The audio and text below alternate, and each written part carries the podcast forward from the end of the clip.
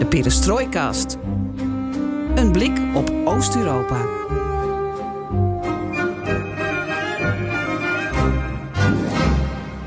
Welkom bij BNR Perestrooikast, aflevering 163 van de enige podcast van Nederland die volledig oog voor het oosten heeft en geeft. Floris is onderweg naar Oekraïne. Op het moment van opname is hij de grens tussen Polen en Oekraïne overgestoken. Althans, daar ga ik vanuit. En mijn studiogast en ik gaan het een klein beetje hebben over Oekraïne, want de oorlog speelt wel een rol in ons gesprek. Maar ook niet helemaal, want we gaan daar.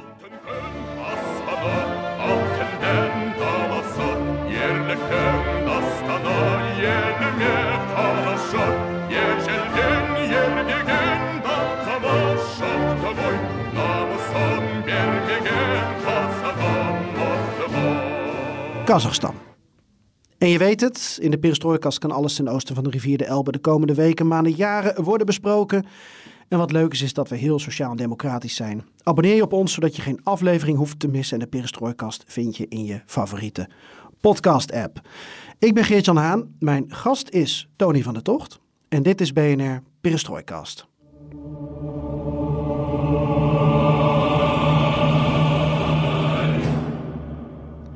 Tony, nu ik het standaard riedeltje en draaiboek heb doorgenomen, kan ik jou aankijken en uh, we gaan het hebben over Kazachstan, de stand van Kazachstan. Maar misschien eerst, jij bent van, van Klingendaal Instituut en uh, dit jaar uh, door die oorlog, 2022 moet ik zeggen trouwens, hebben veel meer Nederlanders kennis genomen van het feit dat Klingendaal bestaat. jij en je collega Bob Deen en anderen ineens bijna dagelijks soms in al die eh, grote tv-programma's voor elk publiek. Bob doet zelfs het jeugdjournaal. De jeugd heeft nog nooit zo goed geweten wat Klingendaal uh, is. Maar misschien toch goed om even uit te leggen, want je bent Senior Research Fellow. En wat doe je dan precies? Ja, ik doe deels hetzelfde als wat de collega's doen. Um, ik ben van huis uit meer eigenlijk een Rusland-deskundige. En ik zal me zeker geen Oekraïne-deskundige willen noemen. Um, ik heb jaren gewerkt als diplomaat. Um, ook in Rusland. Uh, ik ben hoofd Oost-Europa, Centraal-Azië geweest op buitenlandse zaken. Dus een hele ruime ervaring ook in het onderhandelen met uh, diplomaten uit die regio. En uh, vanaf 2014 ben ik eerst vier jaar gedetacheerd geweest bij Klingendaal, ook om onderzoek te doen. Toen weer even terug naar buitenlandse zaken, als, maar geassocieerd gebleven met Klingendaal en nu weer helemaal terug. En uh, ja, ik kijk, ik kijk naar Rusland. Ik kijk naar wat Rusland doet in, nou, ten aanzien van Oekraïne, maar ook ten aanzien van uh, landen van het Oostelijk Partnerschap. Uh, wat ze doen in Centraal-Azië. Hoe hun relatie met China in elkaar zit. En dat doe ik dan natuurlijk samen met China-collega's op Klingendaal. Um, en ook van ja, wat, wat ik de laatste tijd heb gezien, wat steeds belangrijker wordt, dat is eigenlijk de ideologische dimensie van die hele oorlog. Uh, Rusland dat zichzelf neerzet als een, ja, het is een grootmacht en, en, en het, uh, Poetin die op een of andere manier het Russische Rijk wil herstellen. Uh, van uh, zijn hele verhaal, Russen, Oekraïners, Belarussen, allemaal één volk. Ja. ik moet, ik moet de fouten van de geschiedenis herstellen. En daar zit ook een hele dimensie onder van, van het unieke Rusland met een eigen waarden. Het is niks universele mensenrechten. We hebben eigen waarden. Wij zijn het echte Europa. Wij zijn. Um, nou, Russische orthodoxie speelt daar een grote rol in. En, en, vandaar dat die hele oorlog, die wordt niet alleen gezien in geopolitieke termen, dus uh, ja, demilitarisering, maar hij heeft het ook over denazificering en zelfs desatanisering. En hij wordt dan ook ten volle gesteund door de patriarch uh, in Moskou. Um, die ook vindt dat, dat die Oekraïners gewoon behoren tot zijn kerk. Uh, en toen ze zich afsplitsten, toen, toen riep Poetin ook de Nationale Veiligheidsraad bij elkaar. Um, omdat um, ja, zo'n scheuring, dat, dat kan niet. Die behoren tot zijn Russische wereld, zoals hij dat voor zich ziet. En wat vinden ze in, in, in Kazachstan eigenlijk van uh, termen als desatanisering? Nou, ik denk dat in Kazachstan hebben ze daar helemaal niks mee. Uh, Kazachstan heeft zich altijd heel nadrukkelijk gepresenteerd als een multi-etnisch, multireligieus, multicultureel iets. wat ze, dat ze ja, ook een beetje een brugfunctie kunnen vervullen, af en toe kunnen bemiddelen in conflicten tussen anderen. Ehm, dat is eigenlijk steeds vanaf, vanaf de onafhankelijkheid de positie geweest van Kazachstan. Ehm, ze hebben wel iets met, met zeg maar, ja, Eurasiatisch denken. Rusland heeft dat ook wel eens een keer zo geframed van wij zijn een Eurasiatisch land. Nooit precies duidelijk geworden wat dat dan is. Maar in ieder geval in Kazachstan wordt dat op een andere manier ingevuld. Dat is niet een, een, een soort ja, nieuwe vorm van het Russische Rijk wat, wat gedomineerd kan worden door Rusland. Dat is veel meer iets op gelijkwaardige basis. Kazachen, Russen ehm, en eventueel wat andere. Kazachstan is wel, wel Eurasiatisch door het multi-etnische karakter. Ja, ja uh, wat dat betreft is Kazachstan meer Eurasiatisch dan Rusland. Uh, in Rusland zie je ook wel eens een keer dat verhaal van, van door die hele vermenging van volkeren is, is, is Rusland, of is dat op Eurasiatisch uh, continent iets, iets unieks ontstaan. Hè? Dus er zijn ook heel, uit de geschiedenis hele verhalen bij van... Ehm, maar dan, daar, het is nooit echt consistent. Ze komen ook vaak met zichzelf in de knoop te zitten. Wat je nu ziet is dat Poetin het vooral heeft over nou, Russisch nationalisme en, en Russisch-orthodoxe kerk. Nou, dat, zijn, dat zijn geen waarden of ideeën die breder in, in dat Eurasië gedeeld worden. En ook niet in Kazachstan. Nog even over Kazachstan, want jij hebt ook een verleden daar. Ja, ik heb ehm, in de jaren negentig daar de eerste Nederlandse ambassade opgezet. Toen nog in Almaty. Dat was nog enorm uh, pionieren met uh, hele gebrekkige middelen. En uh, later is dat allemaal wat groter geworden. En nu sinds 1 januari vallen onder deze ambassade valt heel Centraal-Azië. De ambassade is inmiddels verhuisd naar wat nu weer Astana heet. Ja, ik ben nog in Almaty geweest waar de ambassade zat. Ja, ja het mooie kleine groene gebouwtje in, in het centrum. Ja, ja. En dat heb jij dus 30 jaar geleden op mogen zetten? Ja, uh, ja 95, 1995 tot 98 heb ik daar gezeten.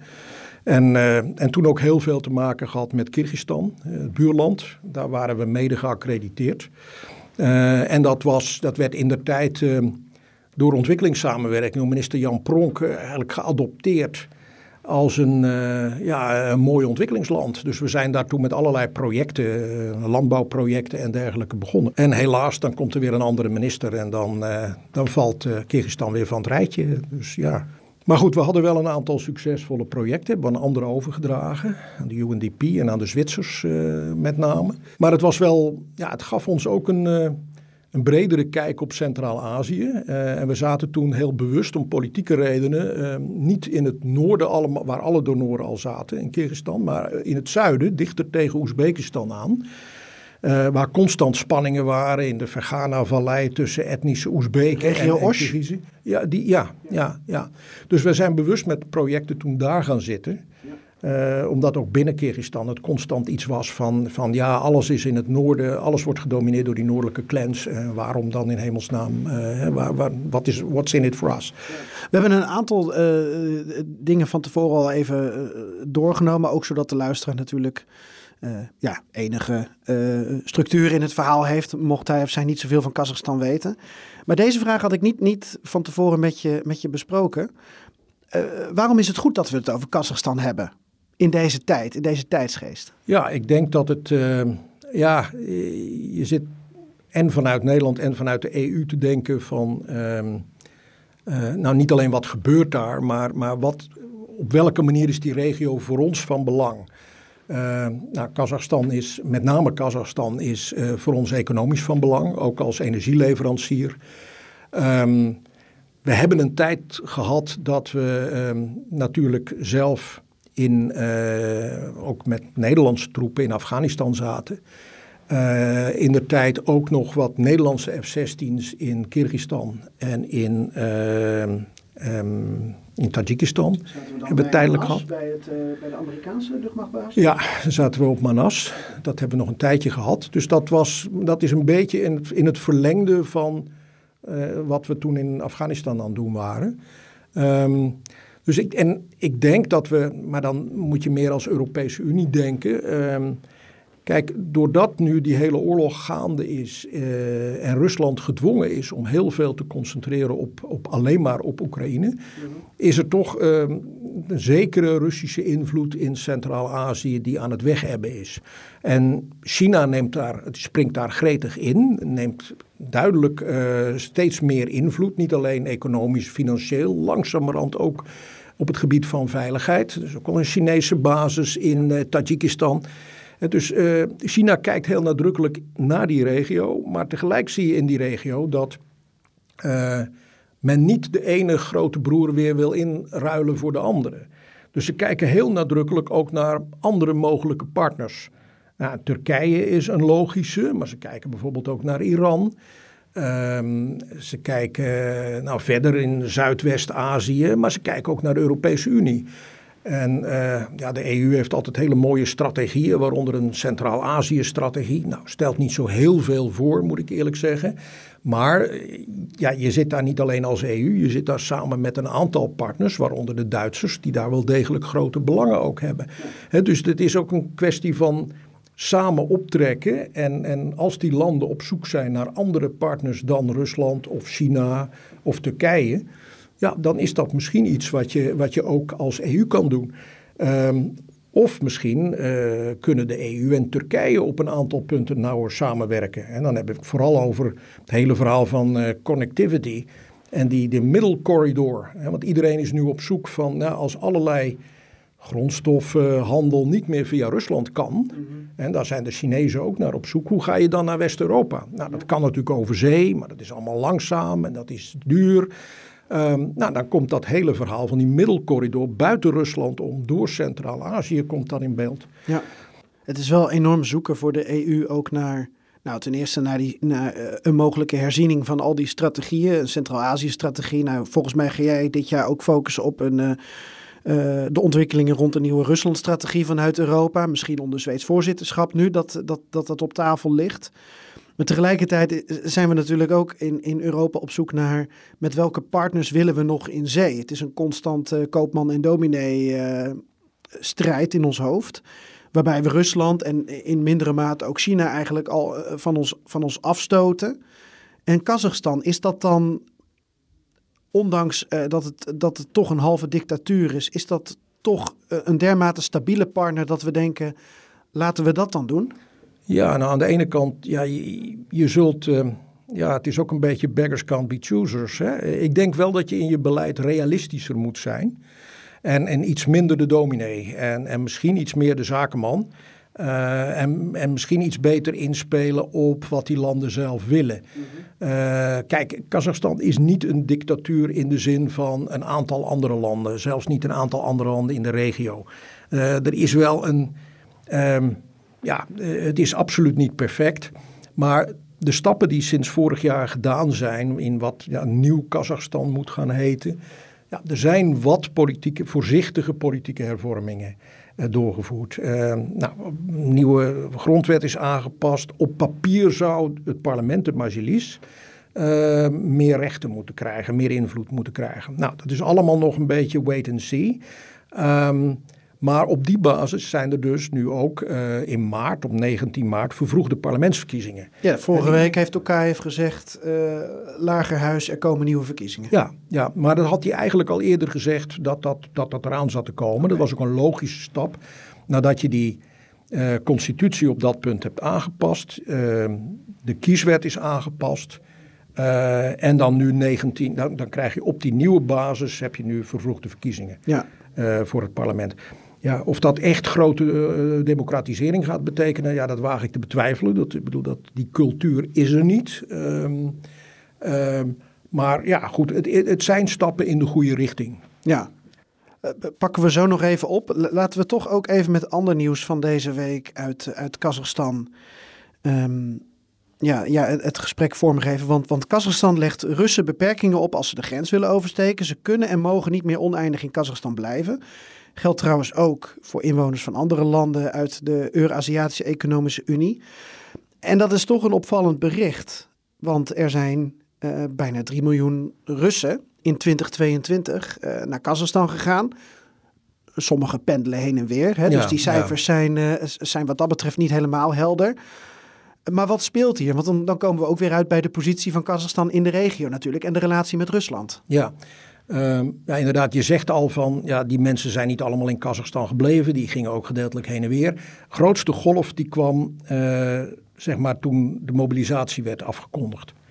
En voor Russen was het vrij makkelijk. Het is ten eerste een hele lange grens, die uh, nou, uh, moeizaam gecontroleerd wordt. Um, bovendien konden Kazachen met, en dat wordt nu veranderd, maar die konden ook met een binnenlands paspoort gewoon naar Kazachstan reizen. Uh, en daar gewoon ook, ook verblijven. De Russen konden naar Kazachstan Russen konden naar Kazachstan reizen. Um, en, en, ik denk dat ze dat nu aan het aanpassen zijn, uh, omdat ze gewoon meer grip daarop willen hebben. Uh, kijk, het heeft ook allerlei nadelige gevolgen ter plaatse. Uh, de, de, de, mensen, zeker mensen die zich vestigen, uh, huurprijzen gaan omhoog. Um, dus, ja, dat zie je natuurlijk ook in Georgië. Dat zie je ook in Georgië. Landen. Er is eigenlijk een sterke parallel met Georgië, waar je ook een roep hebt gekregen op van ja, we willen hier meer controle op. Uh, en dat is in Georgië nog wat meer, omdat ja, Rusland daar in feite ook 20% van het Georgisch grondgebied onder controle heeft. Dus daar, daar zijn de gevoelens richting Rusland uh, nog wat anders dan in Kazachstan. Mm -hmm. Hoewel in Kazachstan het bredere publiek steunt ook, uh, steunt ook Oekraïne en de Oekraïners in deze oorlog. Hè. Dus uh, dat is in, in de bredere publieke opinie. Een aantal demonstraties geweest nou ja, om, om, Oekraïne te steunen, Oekraïners te steunen.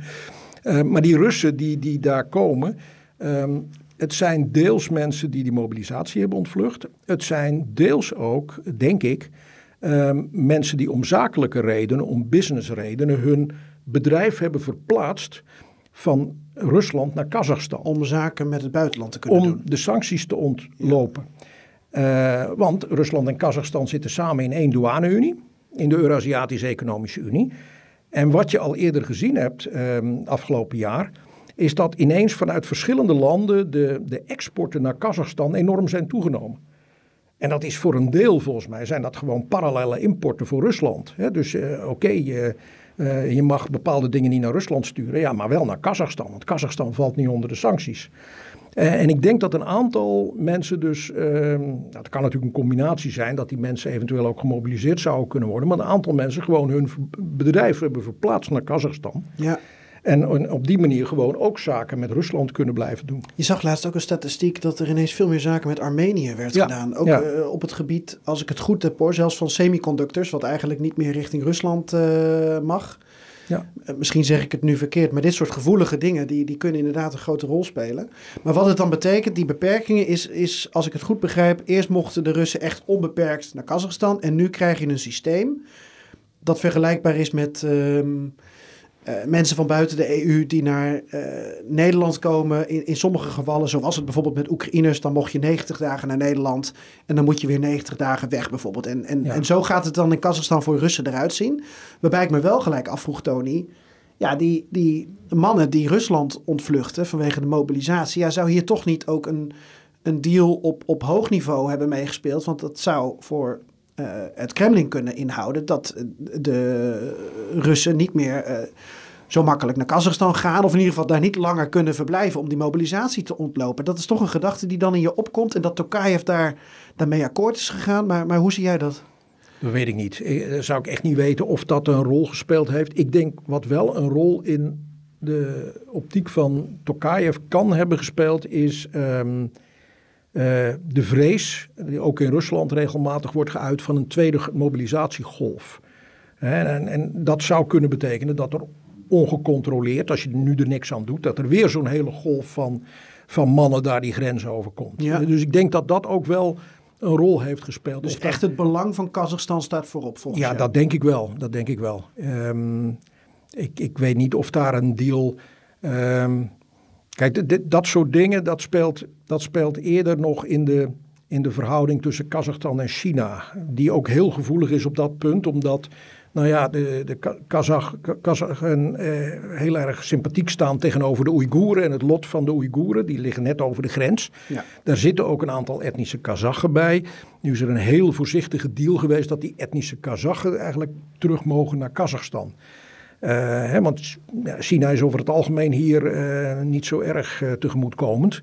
En dat ligt heel erg uh, gevoelig in de verhouding tussen Kazachstan en China. En ik, daar, daar, is wel, dat kan alleen maar uh, gebeuren als er inderdaad op hoog niveau uh, een zekere deal gesloten is. Van nou, die Kazachen die zijn uitgezonderd en die mogen terug naar Kazachstan. Ja. Of terug, ze zijn misschien, ik weet niet, 100 jaar geleden geëmigreerd of zo. Precies. Dus, ja. Je noemt al China.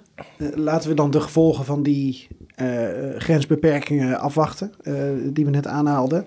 Uh, maar als we het hebben over China en over Rusland, en, en, je begon het gesprek er al mee, er is natuurlijk heel veel te doen over de positie van Centraal-Aziatische landen. En, en voor mijn gevoel gaan commentatoren soms iets te makkelijk ook ermee aan de haal door te stellen van ja, als uh, Tokayev en uh, Xi Jinping elkaar spreken, nou dan heeft Kazachstan definitief afstand genomen ja. van, uh, van Rusland. Um, het ligt volgens mij allemaal vrij genuanceerd. Maar heb jij uh, een, een, een soort van analyse van hoe Kazachstan zich nou wil uh, positioneren in de regio of in de wereld? Is dat echt Kazachstan first en een goede relatie met alles en iedereen? Ja, ik denk dat ze in wezen, dat, wat, wat ze altijd noemden hun multi-vector policy, uh, dat ze dat zoveel mogelijk in stand houden. Ik geloof ook niet dat ze nu zeg maar, de ene grote broer voor de andere willen inruilen. Uh, kan ook niet. Daarvoor zijn ze op een aantal terreinen, vooral economisch, ook te veel afhankelijk van nog steeds van Rusland. Um, ik denk wel dat ze wat dat betreft meer opschuiven richting China. En toen het afgelopen jaar, toen die oorlog begonnen was. En um, Xi Jinping voor een van zijn eerste buitenlandse bezoeken uh, Kazachstan aandeed, heeft hij ook heel nadrukkelijk de, de uh, soevereiniteit en territoriale integriteit van Kazachstan gesteund. Uh, expliciet. Dat was een duidelijke hint richting Van uh, geen gedonder ook in Centraal-Azië of geen gedonder richting Kazachstan. Zat een halve veiligheidsgarantie. Ja, zover gaat het, gaat het nog niet. Maar je ziet daar dus dat China ook steeds meer een veiligheidsactor gaat worden. En, en voor China is dat ja, het ligt een beetje in het verlengde. Kijk, zij hebben vooral belang bij goede economische en financiële betrekkingen eh, in die landen eh, eromheen. En daar is stabiliteit voor nodig. En, en die stabiliteit willen ze eventueel ook garanderen. Um, dus uh, ja, er was vorig jaar, begin vorig jaar, met die hele uh, die, die rellen in, in, in Kazachstan die toen onderdrukt werden. Uh, was even het verhaal van, oh, nou komt Rusland met die CSTO. Ja, um, paratroepers erbij. En, en, en waar is China? Hè? Uh, want er worden wel degelijk Chinese uh, belangen geraakt. Um, nou, China heeft hier wat op het, ja, zeg maar zitten kijken van, nou ja, wat gebeurt hier? Russen waren natuurlijk al wel vrij snel weg. En de rol van CSTO uh, in de hele ontwikkeling is niet geweest het neerslaan van de uh, repressie, maar vooral om een aantal strategische punten, waaronder uh, vliegvelden, zeker te stellen. Um, ik weet niet of um, Poetin toen al het idee had van in februari ga ik iets doen richting Oekraïne. Dus, dus ja, in januari kan ik dit nog doen. Daarna heb ik die mannen gewoon zelf nodig Mhm. op een ander terrein. Ehm, maar op zich was het wel opvallend dat, um, dat die troepen, want normaal als je ergens Russische vredestroepen of iets dergelijks krijgt, dan krijg je ze ook nooit meer weg. Nee. En hier waren ze in feite al heel snel weer vertrokken. Um, dus dat, is een, ja, dat was wel merkwaardig. Uh, ik weet niet in hoeverre China, hoe China dat toen inschatte. Maar feit is nu wel dat door die oorlog en door ja, de, de Russische invloed, omdat ze, ze moeten zich zo concentreren op, op Oekraïne. Uh, dat je in alle regio's ziet dat, dat anderen nu ja, meer ruimte hebben om, om hun eigen dingen te doen. Ja. En dat geldt voor Azerbeidzjan op de Caucasus. Dat, uh, vorig jaar ruzie tussen Kyrgyzstan en Tajikistan. Ja, ook niet de dempende factor uh, Rusland. Nee. nou, en wat me nog afvroeg, Tony, wat ik me nog afvroeg was dat op een gegeven moment kwam, kwam Tokayev ehm, als winnaar uit die, uit die strijd. Want er, op de achtergrond speelde er ook een soort clan-conflict. Ja. Uh, maar dat is natuurlijk wel wat ongewoon voor, voor Centraal-Azië. Misschien ook uh, vanuit het perspectief van het Kremlin. Want ja, je houdt van stabiliteit en van, van lange relaties. Dus op een of andere manier uh, ging het Kremlin toch akkoord met het feit dat Tokayev Nazarbayev uitschakelde. op een zijspoor zette. Want ja, je weet nooit zeker wat je ervoor terugkrijgt natuurlijk. En waar iemand naartoe wil bewegen. Dat is misschien ook wat de analisten nu een beetje bedoelen met... ja, misschien dat hij wat meer richting China gaat... of wat meer afstand van, van Rusland neemt.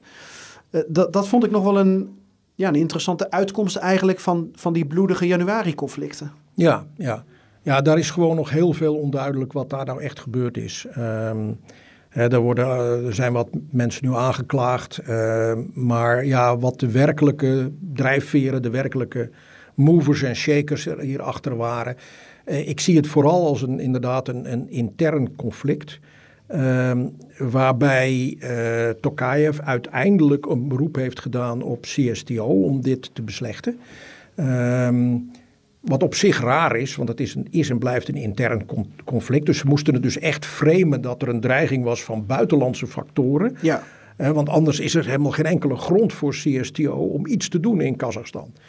Um, ja, het is toch, het, het, het startte gewoon met een aantal uh, rellen naar aanleiding van verhoging van de energieprijzen.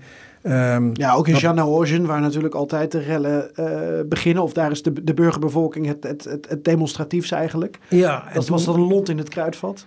Ja, en toen, uh, toen sprongen een aantal mensen erop en hebben daar, toen werd er gebruik gemaakt van die rellen om uiteindelijk een deel van die elite aan de kant te schuiven, van die, die clan rond Nazarbayev. Maar ook daar, en daarom is denk ik de hele zaak nooit echt opgehelderd. Ik bedoel, Nazarbayev is nooit aangeklaagd. En uh, mensen direct om hem heen, nou ja, een paar hebben, uh, zijn ontslagen. Mm. Maar ik denk dat er achter de schermen op een gegeven moment toch een zekere deal heeft plaatsgevonden. Dat, dat, dat een aantal toch buitenschot blijven hier bij dit hele verhaal. En, en dus dit wordt niet tot de bodem uitgezocht en alle schuldigen worden gestraft. En, uh, en zeker niet de verantwoordelijken op het allerhoogste niveau, wie dat ook waren. Nee, maar dat viel me ook op bij het lezen van, van alle reconstructies, omdat dit een jaar geleden is, die, die bloedige januari, zoals het in Kazachstan is, uh, is gaan heten. Het viel me wel op dat we dus eigenlijk nog steeds heel weinig weten van wat er nou precies heeft plaatsgevonden. Ja, en dan kom ik toch weer even terug bij mijn eerdere opmerking. Uh, Kazachstan is gewoon een halve dictatuur. Want hoe kan je dit anders gewoon verborgen houden? Er is geen vrijheid van pers die dat even boven tafel krijgt. Mensen durven zich niet uit te spreken. Er is nauwelijks nee. oppositie. Ja. Dat speelt dan toch nog wel? Ja, nee, dat speelt, dat speelt toch zeker. En uh, zeker ook, ook nu met die, die kleine stapjes van politieke hervormingen. Ja, dit wordt niet uh, van vandaag op morgen een, eh, een loepenreine democratie. Uh, absoluut niet. dus ik denk dat we dat ook gewoon uh, ook goed in de gaten moeten blijven houden. En, en, en ook op dat punt Kazachstan op zijn verplichtingen die ze hebben in het kader van uh, OVSE of andere internationale verplichtingen moeten blijven aanspreken. dus ik denk ook niet dat ons pragmatisme nou zo ver moet gaan dat we zeggen van nou ja, we hebben ze op een aantal terreinen nodig. Um, dus uh, hier kijken we maar even de andere kant op. Um, dus uh, ja. Ja. ja, en daarom weten we ook nog niet hoeveel slachtoffers er zijn gevallen nee, bijvoorbeeld. Nee, nee, nee, die schattingen lopen uiteen. Een paar honderd is in ieder geval uh, duidelijk. Ja, waren het er meer? Um, ja, ja. Ik, ik, denk niet dat dat, dat, dat in ieder geval voorlopig, uh, dat dat duidelijker wordt. Omdat het natuurlijk ook deze weken veel gaat over, en dan maak ik even een zijpaadje naar een, uh, een ander land van, uh, buurland van Rusland, namelijk Oekraïne. Daar gaat het veel over de corruptie en dat de corruptie wordt blootgelegd en dat er heel veel mensen corrupt zijn. Maar het feit dat het wordt blootgelegd en het feit dat onderzoeksjournalistiek daar een rol in speelt, dat geeft al aan dat het een heel stap verder is, meerdere stappen verder is dan Kazachstan, waar dit dus absoluut niet aan de orde is. Ja, Nee, dat klopt. Dat klopt. Ik denk dat uh, nou, dat geldt in, in, de hele voormalige Sovjet-Unie. Dat uh, ja, Oekraïne is eigenlijk, uh, is eigenlijk een van de uitzonderingen. Hè? Niet omdat het, dat het ineens geweldig minder corrupt is, maar wel omdat ze stappen maken.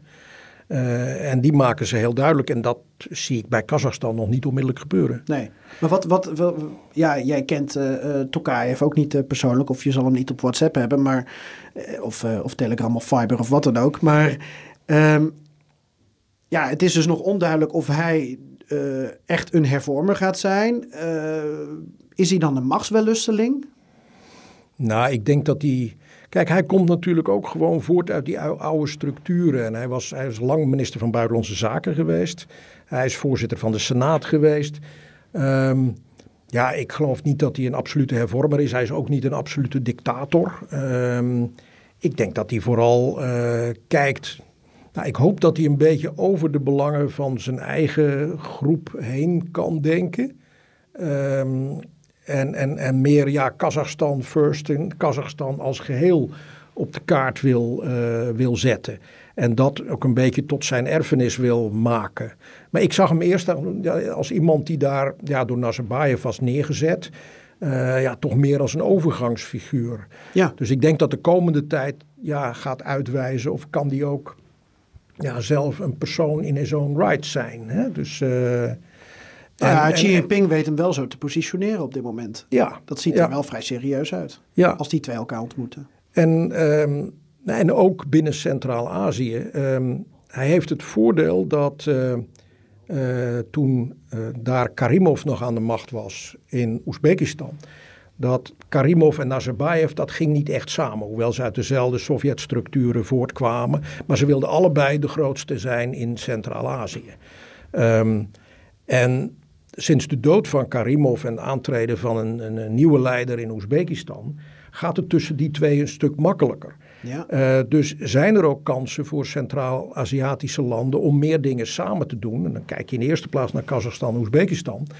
Uh, los even van Rusland en China. Uh, en dat is iets wat, wat al een aantal jaren gaande is en wat Kazachen ook ook zeggen van ja, we, willen, we moeten wel dingen meer samen doen. We willen niet alleen afhankelijk zijn van de een of de ander. Um, dus ja, en of dat dan ook betekent dat ze dan ook, zeg maar als er conflicten zijn uh, tussen bijvoorbeeld Kyrgyzstan en Tajikistan, of zij dan ook een sterkere rol kunnen spelen, al dan niet samen met de Chinezen. Nou ja, dat is allemaal nog een beetje verborgen in de toekomst. Maar het is wel positief dat, dat um, er nu meer mogelijkheden dan voorheen zijn voor Kazachstan en Oezbekistan om gewoon samen op te trekken als Centraal-Aziatische machten. Ja. ja, en je noemt al een interessant punt, uh, want dat, dat zien we in een aantal Centraal-Aziatische landen gebeuren. Of het is in aantocht, uh, transities van de macht. En wat gaat ermee gebeuren? Blijft dat binnen de familie? Of ja. uh, komen er toch andere uitdagingen? En hoe willen die zich dan positioneren? Wil de jongere generatie een andere profilering dan dan de oude die is opgevoed met uh, nou, Sovjet-structuren. dat wordt wel een hele boeiende periode natuurlijk. Ja, ja, we hebben in een aantal landen al ja, transities gezien. In, in, in Kyrgyzstan, ja, wat relatief democratisch was uh, in de tijd ja, waarin ik in, in Kazachstan zat, um, naar ook iets meer dictatoriaal. Um, uh, dus dat is meer chaotisch. in de andere landen is de transitie heel erg sterk gemanaged. Um, en in uh, Tajikistan moet hij nog komen. Uh, dus Rahmon zit ook uh, eindeloos ja. aan de, al sinds de Sovjet-tijd, het uiteenvallen van de Sovjet-Unie aan de macht. Dus ja, dat moet nog komen. Dus dat wordt best spannend. ook omdat er um, ja, toch sprake is nu van een nieuwe generatie die eraan zit te komen. En het zijn relatief jonge landen. Hè, met een, een hele grote jonge bevolkingsgroep van onder de 30. Uh, ja, wat gaat daarmee gebeuren? Wat zijn de keuzes die zij uh, straks gaan maken? En kunnen ze dat beïnvloeden?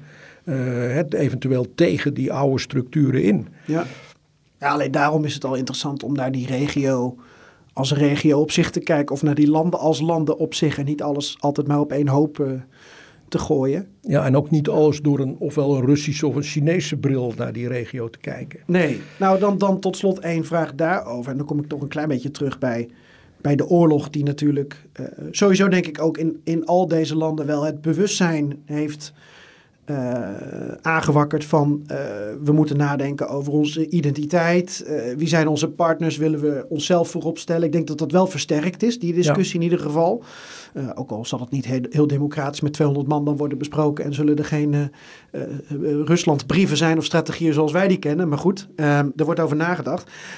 hele goede analist van Carnegie, Timur Umarov, je hebt hem laatst nog gesproken.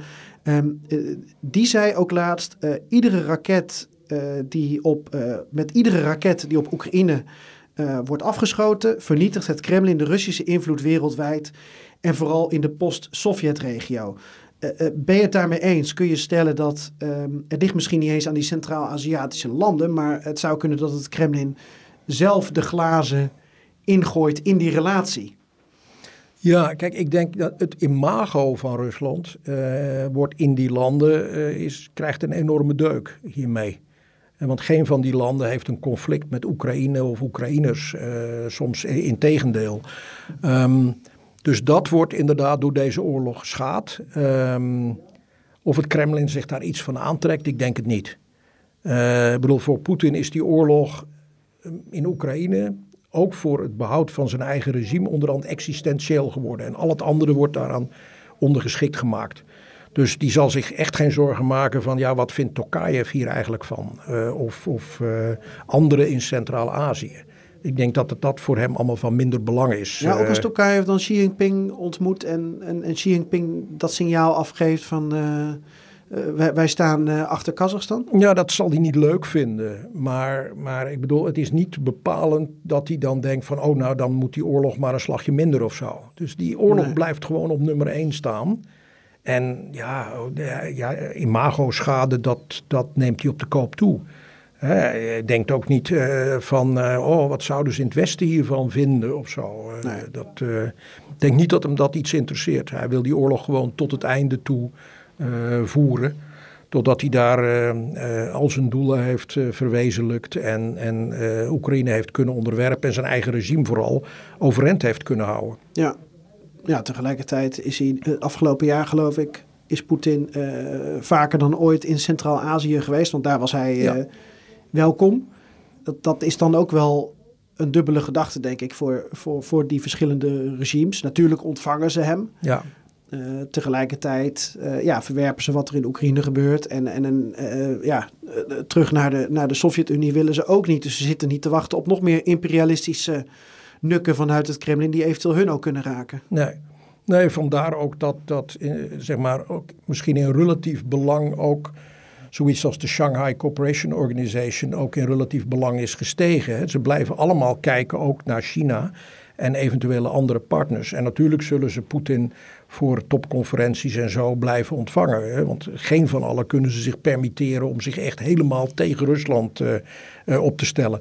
En zie je ook aan, aan, aan, bijvoorbeeld stemgedrag in de VN. Hè? Dan onthouden ze zich of zo. Ze, gaan, ze kijken wel uit dat ze dus Rusland echt heel openlijk gaan bekritiseren. Hoewel Tokayev daar eigenlijk nog het verst in gegaan is. Toen die, uh, oké, hij heeft het Sint-Petersburg Economisch Forum bezocht afgelopen jaar. Als een van de weinigen op dat niveau. Uh, en heeft, maar heeft daarbij heel nadrukkelijk gezegd van wij erkennen niet de annexatie van nou, de Krim had hij al eerder niet erkend, maar ook allerlei andere nieuwe annexaties niet. Uh, dus dat was heel duidelijk. Kijk, hij had ook niks kunnen zeggen. Uh, dus dat was heel duidelijk een signaal toch ook richting Poetin van dit is niet onze oorlog. Hè. Wij nemen hier heel nadrukkelijk afstand van. Maar heel veel verder gaan, ja, dat, ja, dat kunnen ze vaak ook niet. Nee. Ze zitten toch in die in de Eurasiatische Economische Unie. Ze zitten in, die, in de, de CSTO. Uh, dus ja, maar je ziet wel de spanningen binnen die clubs ook wel toenemen. Ja, maar ze stappen er niet uit, toch? Die clubs blijven toch nee, intact? Nee, en, en, en Kazachstan heeft net een paar leidende posities gekregen, die organisaties. Dus zeker Kazachstan zal er niet uitstappen. Uh, bijvoorbeeld bij het CSTO, nou, Armenië zou het wel willen, maar kan het zich als klein land ook weer niet permitteren. Nee. Uh, dus, is een beetje zoals wij in de EU Orbán hebben. Uh, Orbán wil niet uit de EU, maar als hij uh, van binnenuit meer invloed kan uitoefenen, dan heeft hij daar veel meer aan. Dat is ook hoe bijvoorbeeld Kazachstan nu ziet. We worden machtiger binnen deze organisaties. Nou, laten we daar gebruik van maken. Ja, ja. Maar je, je zult niet zien dat die organisaties zich, uh, zich nog verder gaan uitbreiden. Dat er nog, dat bijvoorbeeld Oezbekistan gaat toetreden tot de CSTO of uh, Tajikistan tot de Eurasiatische Economische Unie. Waarom niet? Nou, dat is, uh, ik denk niet dat ze dat zien als. Kijk, ze zien dat toch een beetje als een soort van straitjacket van de Russen. Uh, want dan zullen ze zich op allerlei manieren moeten aanpassen. Ehm, zoals in feite ook toen Kazachstan lid werd van de Eurasiatische Economische Unie. Toen moesten ze, wat voor hun heel nadelig was, een aantal importtarieven ophogen. Um, en omdat ze al lid waren van de WTO, betekende dat dat ze een aantal derde landen moesten gaan compenseren. Ja. Dus dat is eigenlijk helemaal niet voordelig. En nou, Tajikistan zou er nog over kunnen denken, want Tajikistan zal eerder een soort van netto-ontvanger zijn. Uh, maar is inmiddels economisch al behoorlijk verknoopt met China. Dus ik weet niet of wat, wat hun belang erbij zou zijn. Tot nu toe Rusland keek er wel naar. Arbeidsmigratie.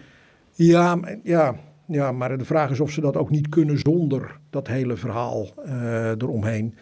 En die arbeidsmigratie heeft ook een tik gekregen uh, met, nou ja, vooral de economische situatie in Rusland zelf nu. Ja, en, en de Tsatsiken die ook de verhalen horen van, nou, wij kunnen ook opgepakt worden en naar het front worden gestuurd. Ja, ja dat zo is die mobilisatie wel af en toe gegaan. Ja, ja. Dat, dat zal Poetin zeggen van, nou, dat waren dan de fouten in de. Maar die verhalen gaan natuurlijk ook in die landen van, ja, straks dan. Uh, dan zit ik daar als uh, bouwvakker zonder papieren en word ik ook van de straat geplukt. En mag ik ook gaan vechten in, uh, in uh, Oekraïne. Ja, dankjewel Tony. Oké, nou. Veel succes dit jaar, want er is veel te veel om te volgen. Ja, ja nou we doen ons best. Laten we het daarbij houden. Dankjewel Tony. Bedankt.